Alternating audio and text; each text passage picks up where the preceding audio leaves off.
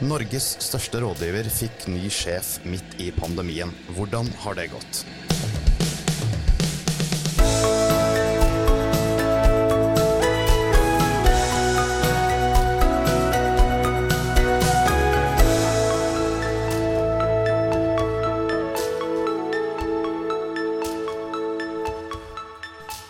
Velkommen til en ny episode av Byggeindustrien og bygg.nos podkast Byggeplassen.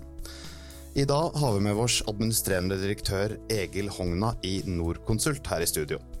Jeg heter Christian Aarhus, og med meg som programleder har jeg Frode Aga. Ja, vi skal bruke mye tid på både Norconsult og rådgiverbransjens rolle i byggenæringen, men med to programledere fra Hydro-bastionene Porsgrunn og Årdal her i studio, så må vi nesten starte med din bakgrunn, Egil. For du kommer fra nettopp det systemet. Ja, det, det stemmer det. Jeg, jeg, jeg, jobbet jo faktisk eh, fem år som rådgiver først, men så begynte jeg i industrien og i eh, Hydro. Og der var jeg faktisk i litt over 20 år før jeg kom til eh, Norconsult. Hva er det du Det viktigste tinget du har tatt med deg fra industrien og over i Norconsult? Ja, jeg må innrømme at eh, det å jobbe i industrien er noe som jeg har følt som eh, veldig nyttig og meningsfullt på mange måter. Jeg eh, føler absolutt at man er med å, bygge landet i industrien. Det gjør man jammen meg i Norconsult også, men noe av det industrien har lært meg, det har vært annet dette med standardisering, gode styringssystemer for hvordan man driver virksomheten, og så, kanskje litt overraskende for noen, så vil jeg si at bærekraft er også noe som jeg har lært mye om i industrien, fordi man blir veldig bevisst på materialfotavtrykket. Fordi det er nettopp forbruk av materialer som gir det største fotavtrykket. Eh, og når vi snakker bærekraft og miljø, da eh, tror jeg faktisk at byggeindustrien kan lære litt av industrien. Ja, eh, litt om deg. Når var det du tok til i din nye rolle som konsernsjef i Norconsult? Det var 1.12.2020, eh, så litt over et år siden. Litt over et år siden, og midt i en pandemi. Hvordan i all verden har dette gått?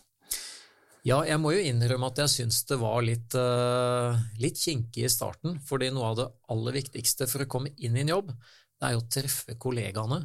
Uh, bli kjent med kulturen. Hvordan er det man egentlig gjør ting? Altså Én ting er dokumenter og, og sånn, men hvordan er det egentlig man jobber? Uh, og det har tatt litt lengre tid. Uh, men det har, det har vært noen fordeler også, fordi uh, gjennom det at vi har blitt så gode til å jobbe digitalt, så, så, reiste jeg jo over hele selskapet på mange måter, til alle kontorene digitalt i løpet av ganske kort tid. Det hadde jeg jo ikke klart fysisk. Så jeg fikk uh, mange hva skal du si, litt sånn overfladiske møter uh, gjennom, gjennom Teams. Eh, og, og, og, jeg vil si fikk en oversikt, eh, men så har jeg heldigvis da kunnet begynne å reise mer fysisk etter hvert, fordi man trenger ikke bare ha den overfladiske oversikten, man må også ha litt dypere samtaler. Og det er noe med den uformelle kommunikasjonen som ikke er så lett å gjøre digitalt. Men dere har 120 kontorer i Norge og i utlandet? Ja, det er faktisk 130, så 130. ja, vi vokser. det skal vi komme tilbake til, men, men hvor mange av de har du besøkt, da? fysisk? Du, eh, jeg har eh, besøkt fysisk en eh, ja, 35 cirka. Mm. Så jeg har mange, mange igjen. ja, men i en normaltid, for det der har vi lest før om deg, at du ønsker jo helst å ut og reise. Uh, og i din gamle arbeidsgiver så det er kanskje lett å forstå at du hadde lyst til å reise på en del av de kontorene der som lå både i USA og andre plasser i verden. men, men i en normaltid, hvordan ville du ha lega an da, tror du? Jeg tror nok at hvis det hadde vært normalt, hadde jeg nok besøkt over halvparten av alle, eh, mm. altså en 60-70 på dette tidspunktet. Uh, og, så er det jo slik at Noen av kontorene våre de er ikke så store, så det vi har gjort, da, er det at uh, når jeg kommer på besøk, så pleier ofte folk å komme ifra noen av de nærliggende kontorene også, slik at uh, jeg blir kjent med folkene. Og, folkene er jo viktigere enn en kontorene.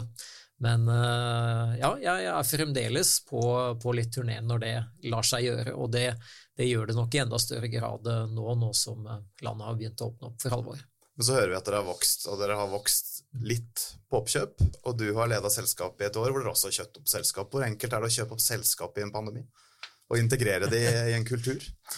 Ja, um vi har jo blitt vant til de digitale verktøyene, så det er klart at man, man, man, kan bli kjent med folk uh, digitalt, men, men, jeg må jo si det at i alle de tilfellene hvor vi har gjort oppkjøp, så har det jo vært fysiske møter. Mm. Uh, og også i forbindelse med rekrutteringer jeg har gjort. Jeg har jo bl.a. rekruttert ny leder i Sverige og ny CFO, så har vi alltid hatt noen fysiske møter også. Det, det, det er for meg veldig viktig at man, at man får til det. Mm. Er det ferdig oppkjøpt? Nei, vi er nok ikke det. Uh, og det henger litt sammen med det som skjer i bransjen, fordi uh, bransjen har fremdeles behov for konsolidering. Hvis jeg kan si litt om det, så uh, er det jo slik at mange av de små rådgiverbedriftene de har noen få fag. De er ofte veldig dyktige innenfor det faget, men byggherrene og oppdragsgiverne de har som regel behov for mer. Uh, og de ønsker gjerne at noen tar et større helhetlig ansvar. fordi hvis det blir mange små leverandører på et, uh, på et, prosjekt, så blir det mange grensesnitt, det blir kompleksitet, og da øker også kostnadene og risikoen for feil. Så vi ser det, at det er behov for at vi som Norconsult, og egentlig alle rådgiverbedrifter, dekker så godt som alle fag på en god måte, og dette vil fortsette å drive konsolidering i bransjen vår. Men det er jo så mange oppkjøp. Er det ingen ende på underskogen av, av rådgivere der ute? Eh, det har jo kommet til eh, mange nye fag i løpet av de siste tiårene, om jeg må si det, fordi man, man, man oppdager det at eh, ja, et fag som akustikk, f.eks., hvordan lydforholdene er, hvordan lysforholdene er, det er viktig. Det er viktig på byggeprosjektet, men det er også viktig på anleggsprosjektet. Vi er opptatt av lys utvendig osv., som et eksempel. Så derfor så, så, så er det spesialister og, og, og, dyktige folk som vi fremdeles ser at ja, vi vil ha flere av, dem, og vi trenger flere i selskapet vårt. Og så er rådgiverne blitt blant de største på arkitektsida òg. Dere eier 90 av Nordic, mm. og kjøper stadig opp mindre aktører også. Hvorfor er eh, rådgivere og, og arkitekter en perfekt match? Altså det, det, det, det, høres kanskje litt utrolig ut, men vi ser jo det at arkitekter og ingeniører syns det er gøy å jobbe sammen. Vi ser det at uh, Ingeniørene blir inspirert av arkitektene, og for arkitektene så er det lettere å få det riktig tidlig eh, når de jobber sammen med ingeniører som ser på en måte en del av de praktiske utfordringene. Så vi ser det at vi både får mer kreative løsninger og gjør mindre feil når arkitektene og ingeniørene jobber sammen. Det er den grunnleggende logikken for hvorfor vi eh, ja, kjøper og slår oss sammen med arkitektselskaper. Men er det noen utfordringer? Altså, tar man vekk litt av kreativiteten til arkitektene, eller, eller omvendt? Nei, det, det, det, tror jeg ikke man gjør, men, men, det er klart at det er utfordring, og det er det jo alltid når ulike fag uh, møtes. Uh, og man får bryne seg litt på hverandre, men uh, det er nettopp i den hva skal jeg si, bryningen, diskusjonene, kanskje til og med en liten krangel noen ganger, at kreativiteten blomstrer. Og så ender det opp med mange kontor, eh, kulturer som skal smeltes sammen til én type Norconsult-kultur. Hvordan eh, jobber de med det, og hvordan sikrer de at de ikke får en ukultur?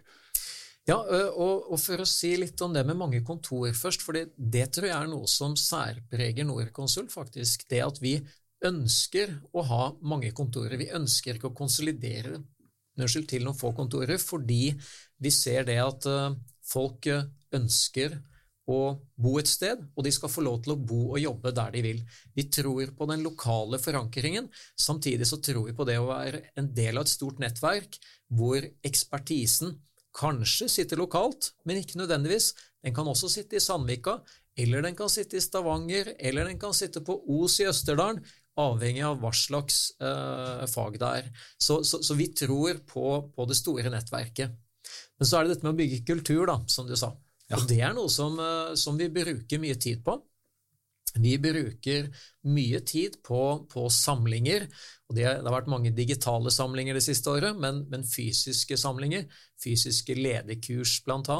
Eh, vi sender alle lederne i Norconsult på kurs i hvert fall én gang i løpet av året. Eh, da har vi en sånn todagers lederforum som vi vel kjørte 16 samlinger av i fjor. Eh, og det er noe som vi bruker for å utvikle folk hele tiden, for å skape den felles kulturen. Eh, og jeg personlig har deltatt på alle de lederforumene i, i fjor, f.eks. Men med fare for å bruke feil tall igjen, ca. 6000 ansatte? 5100 var det vi endte opp på eh, ved årsskiftet. Jeg har gjort eh, kjempegod research her i forkant, men jeg lover, vi har både hørt på Norconsult sin egen podkast og lest intervju og gjort en, eh, en jobb. Men, men Hvis du inkluderer midlertidig og litt sånn, så, ja. så, så, blir det enda større. men med så mange ansatte, hvor enkelt er det å få til en, en omforent kultur? Um, jeg spurte en kar Eh, som eh, kom fra et selskap vi nettopp kjøpte opp i Sverige. Hvordan har det vært å komme til Norconsult? Da sa han det at eh, ja, du vet, jeg kommer fra et lite selskap, men så oppdaget jeg det at jeg kom til et annet lite selskap også. Eh, og det mente han som et kompliment, fordi han, eh, og dette var i Luleå i Sverige, han opplevde det at eh, vi har ikke veldig store kontorer, men de har sterke og gode miljøer som deler felles verdier, som gjør at vi av veldig mange oppfattes fremdeles å være et lite selskap gjennom den lokale forankringen. Men det er det med å ha en, en, en felles kommunikasjon. altså eksempel jeg spiller inn en ukentlig liten eh, sånn ukesluttfilm, en, en, liten video som jeg deler med alle ansatte. Og den lager jeg ofte basert på innspill jeg får fra de ansatte. Fra de tillitsvalgte, fra et besøk på et kontor osv. Så, videre, så snakker vi om temaer, og da særlig kulturrelaterte temaer. Da. Det kan være hvordan vi jobber med kundene våre med kundetilfredsstillelse. Det kan være litt om hvordan vi skal håndtere pandemiutfordringene og den type ting.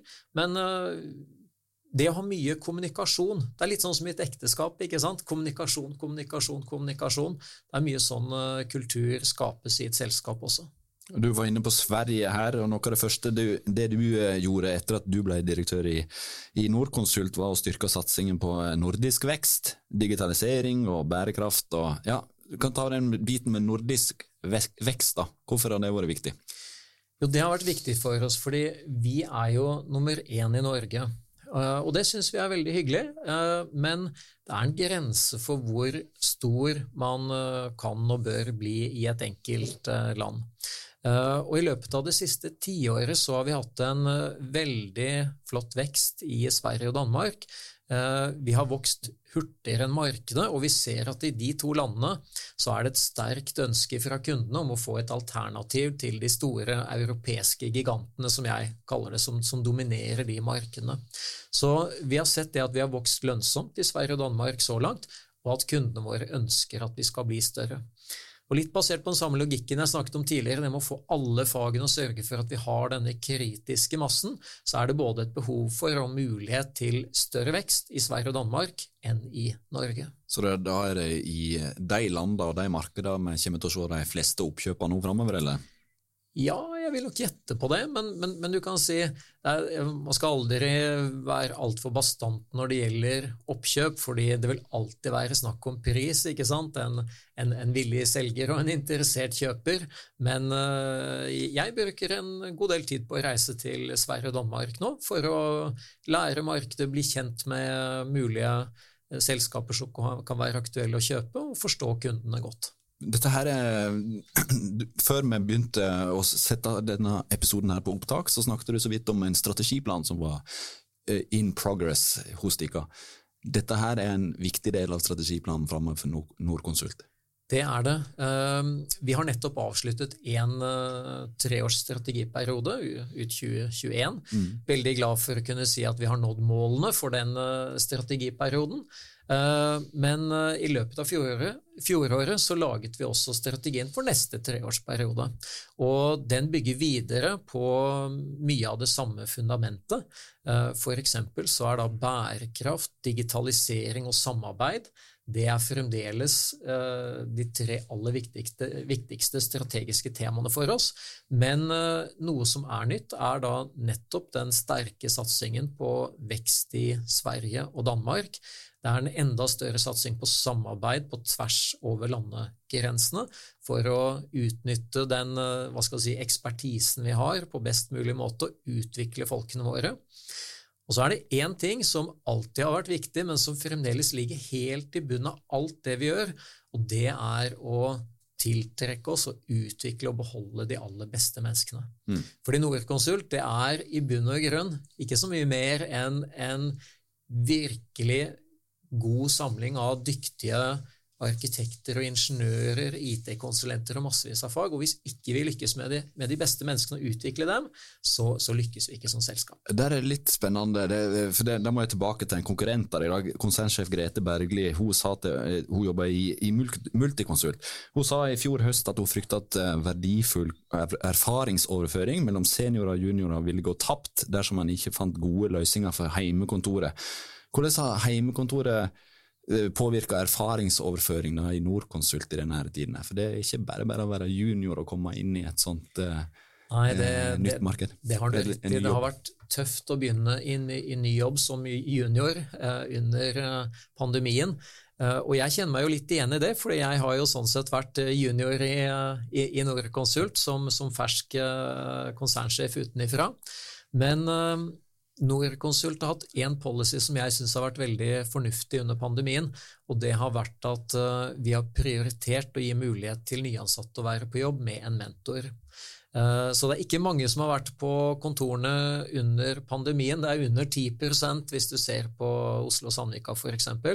Uh, men da har vi prøvd å prioritere så godt det har latt seg gjøre, at nyansatte har fått anledning til å være der med en mentor, nettopp for å komme i gang og for, for å få til denne overføringen fra seniorer til, til, til juniorer. Mm. Men, jeg, men, jeg, tror dette er noe av det viktigste med det å ikke bare ha hjemmekontor generelt. Det med uh, den, si, den litt uformelle kommunikasjonen, som i praksis er hvordan mye kompetanse overføres i kunnskapsbaserte bedrifter som Norconsult. Så snakka du litt om bærekraft også før vi gikk på lufta her. Og, og det er jo et litt slitt uttrykk, men, men, hva legger dere i bærekraft i Norconsult? Ja, etter min mening så er bærekraft først og fremst sunn fornuft. Og Det høres kanskje litt banalt ut, men uh, hvis du går tilbake til uh, f.eks. Uh, mellomkrigstiden, da, så var det et veldig fokus på det å være god til å bruke materialene mest mulig effektivt. Man var opptatt av eh, gjenbruk. Hvis du rev et gammelt hus, så sparte du på de store spikerne og brukte dem om igjen. Så altså gjenbruk det er noe man har gode tradisjoner for tidligere. Og det å sørge for å ikke bruke mer materialer enn nødvendig, er også noe som vi var gode til før, gjennom god planlegging, godt, solid arkitekt- og ingeniørarbeid, ikke noe sløsing. Men hvis du ser på det som har skjedd eh, de siste tiårene, før vi virkelig begynte å snakke om bærekraft, så har det vært mye sløsing. Materialer har vært billige. Man har ikke tenkt over hvor store klimafotavtrykk som kommer fra materialproduksjon. Og man har vært mye mer opptatt av f.eks. Eh, at, at bygninger skal ha eh, et lavt energiforbruk når de er i drift, heller enn å tenke over fotavtrykk til alle de materialene som går inn i bygningene. Og Det er det vi nå begynner å forstå i enda bedre grad, men jeg vil si at eh, det er litt sånn eh, tilbake til fortiden, at man da begynner å, å få inn den sunne fornuften. Kanskje de råvareprisene en ser som stiger nå, er et godt miljøtiltak? Ikke sant? Og, og, og, jeg hørte på radioen i går om et eh, borettslag oppe på Tveita som hadde klart å redusere strømregningen med 70% ja.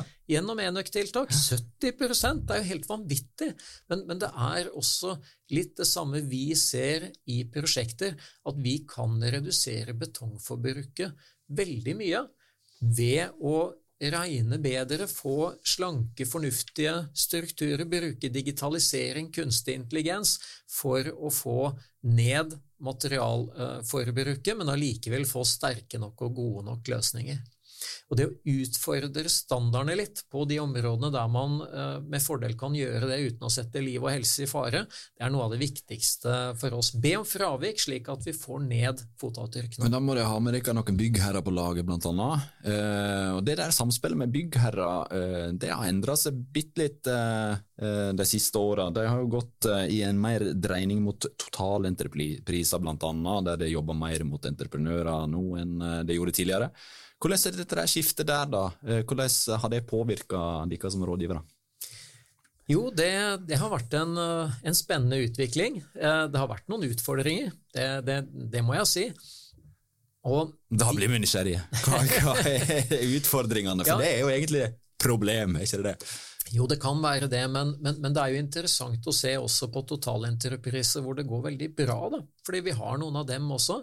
Uh, og uh, det jeg synes jeg ser, er det at uh, når man har totalentrepriser som settes opp og inngås etter et godt og skikkelig forprosjekt, da går det som regel bra.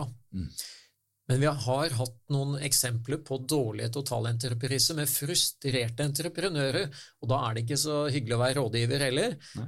men de har ofte vært knyttet til dårlige forprosjekter, hvor enten byggherren da ikke har ønsket å ha et, et grundig forprosjekt, eller entreprenøren har ikke tatt de kostnadene som har vært nødvendig for å uh, gi inn et skikkelig bud, og så ender du da opp med massevis av overraskelser under selve totalentreprisen, og så begynner litt sånn det der med å kaste ballen over veggen til den andre og si at nei, det var din skyld, nei, og, og så, ja.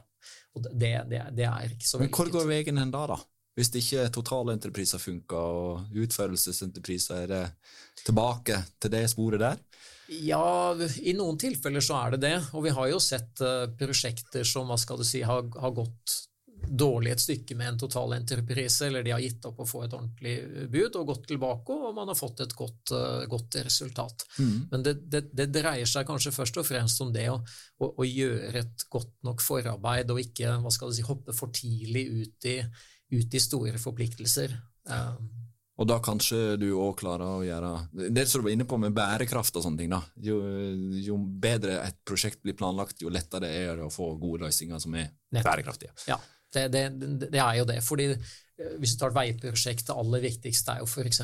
trasévalget, og, mm. gjøre det på en god måte. Og, og, da er det mange hensyn å ta. ikke sant? Da skal du ta, ta hensyn til i hvilken grad du må ja, ta i bruk ubrukt uh, natur- eller landbruksarealet. Kan du gjenbruke en del av den tidligere traseen. Skal du utfordre noen av standardene, f.eks.? Må du ha 110 km i timen, eller kan du klare deg med 190? Hvor mye lavere fotavtrykk får du da? Alle disse spørsmålene er jo spørsmål som, som kommer opp helt tidlig, og det er da du legger, eh, legger føringen. Men litt tilbake til bærekraft, mens vi holder oss på anlegg. Du har sagt at det er behov for tydeligere og mer enhetlige miljøkrav innen anlegg. Ja. Hva legger du i det? Ja, vi har eh, sett en del eksempler på eh, føringer og standarder hvor man kun blir bedt om å beregne fotavtrykket, men det er ikke noe krav til fotavtrykket. Og da Jeg skal ikke si det blir et spill for galleriet, men da, da, da, da har man jo bare kommet halvveis, la, la oss si det sånn. Uh, så man trenger krav til reduksjoner også. Eh, og der syns jeg vel kanskje innimellom at EU har kommet enda lenger enn oss, fordi de setter ofte tydelige krav til hva som er den beste tilgjengelige teknologien, og de setter også krav til hvordan man skal forbedre seg i forhold til den i løpet av de årene som kommer. Så jeg, jeg, jeg tror myndighetene må tørre å være litt tøffere i, i hvilke krav de, de, de, de stiller. Eh, det må være basert på kunnskap, men det, det, finnes mye kunnskap om bærekraft. Og igjen, som jeg var inne på tidligere, mye av dette er jo den sunne fornuften som man kanskje hadde mye av mm. uh, for en del år siden, men som man glemte litt da, da, da materialet ble veldig billig, og vi kanskje fikk uh, såpass mye penger at vi kunne bygge ut en del ting som man ikke tenkte på å bygge ut tidligere fordi man ikke hadde råd, rett og slett. Mm. Du var inne på EU, eh, taksonomi. Det har du også vært inne på tidligere. Mm. Men hvordan jobber dere i forhold til taksonomi? Nå er det innført. Ja, den er jo det. Mm. Eh, samtidig som den fremdeles er under utvikling. Eh, men der eh, har vi eh, brukt mye ressurser på å sette oss inn i dette eh, og lage verktøy og, og, og slik at vi kan gi god veiledning til byggherrer og andre kunder. Så det er noe som jeg, jeg tror mange har undervurdert egentlig hvor viktig dette blir, og også litt potensialet som ligger for bedrifter i faktisk å tilfredsstille taksonomien. Fordi hvis du som bedrift kan gå og si at ja, mine bygninger så og så stor prosentandel tilfredsstiller taksonomien, så vil du få fordeler knyttet til finansiering, du vil få fordeler knyttet til at grønne fond vil ønske å investere i deg, osv. Dette er jo konsulentmat. Dette er et nytt marked det, for dere. Kan vi ikke tjene det på uh, taksonomi når uh, det blir innført, da? Du, Foreløpig så, så, er ikke det så mye. Vi, vi, vi, er opptatt av eh, at dette kommer til å bli en integrert del av alle prosjektene våre. Vi tror at dette blir noe som rådgiverne bare rett og slett må ha høy kompetanse på. Så jeg tror ikke det at det blir en økonomisk gullgruve, det vil bare bli et krav, rett og slett. Mm. Eh, men jeg tror det vil gi oss mer business, fordi jeg er ikke sikker på om alle rådgiverne, rådgiverne vil være i stand til å gi gode råd på dette området. Og så er det noe med at Entreprenørene trenger sikkert gode råd på det, og det er mange i denne verdikjeden som gjør det. Eh, men eh, jeg lurer litt på, hva, lærer det av entreprenørene, da? Når det f.eks. i en totalentreprise sitter og jobber så tett på det som de gjør? Du, det, vi, vi, lærer masse av dem. Eh, jeg tror de lærer litt av oss også. det, det, det, tror jeg. Men, men, noe av det vi f.eks. har i Sandvika, er at vi har noen store områder der vi kjører de største prosjektene våre, hvor vi sitter sammen, rådgiver og entreprenør. Og jeg går av og til innom disse landskapene, og det er veldig artig artig å høre på hvordan de har kommet opp med, med, med gode løsninger. altså F.eks. dette med trasévalg, hvordan du kan korte inn en bro. Eh, hvordan du kan kanskje bruke en litt annen type bro for å få et lavere fotavtrykk. Noen av de beste bærekraftstiltakene våre de har skjedd nettopp i samarbeid med, med entreprenører. Jeg ser vi snart begynner å nærme oss en halvtime. Vi har noen minutter igjen. Vi pleier jo alltid å ha den halvtimen med på, på vår eh, podkast. Unnskyld. Eh, men i forrige episode, for de som lytta til den, så snakket vi om mangfold. Eh, og det er en viktig del av eh, både næringslivet og byggenæringen, ikke minst. Alltid hatt inntrykk av at byggenæringen henger litt bakpå der, men i rådgiverbransjen så, så er det ganske bra. Hva, hva, er det som gjør at, at rådgiverne lykkes bedre med mangfold enn f.eks. entreprenørene? Det er vanskelig for meg å snakke på vegne av entreprenørene, men eh, for rådgiverne så kan jeg i hvert fall si det at for oss så er det helt kritisk å, å få den absolutt beste kompetansen hele tiden. Og det er viktig da i rekrutteringsprosesser at man eh, starter også med eh, å være bevisst på mangfold. Så noe av det som vi prøver å gjøre, det er å uh, ha med i prosessen også i siste runde, f.eks. kandidater av, uh, av, begge kjønn, mm. men at valget til slutt uh, alltid blir gjort ut fra den beste kompetansen i forhold til den stillingen man, man har. I løpet av det året som har gått, så har jeg rekruttert to nye utenfra Norconsult til, til konsernledelsen. Den ene av de, det var en kvinne som kom til Sverige som flyktning fra Irak da, da, hun var 17 år. Hun er vår nye leder for den svenske virksomheten. Jeg har også rekruttert en ny CFO. Det ble en norsk hvit mann i 50-årene.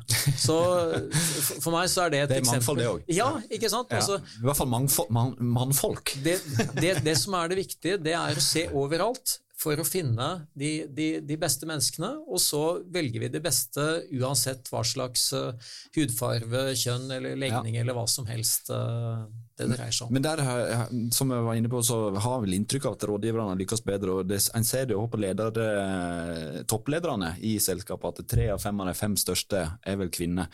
Og, og det bildet er jo ikke helt det samme på entreprenørsida. Men i Norconsult så har jeg kanskje fortsatt eh, litt, litt å gå i konsernledelsen. Et lite stykke å gå.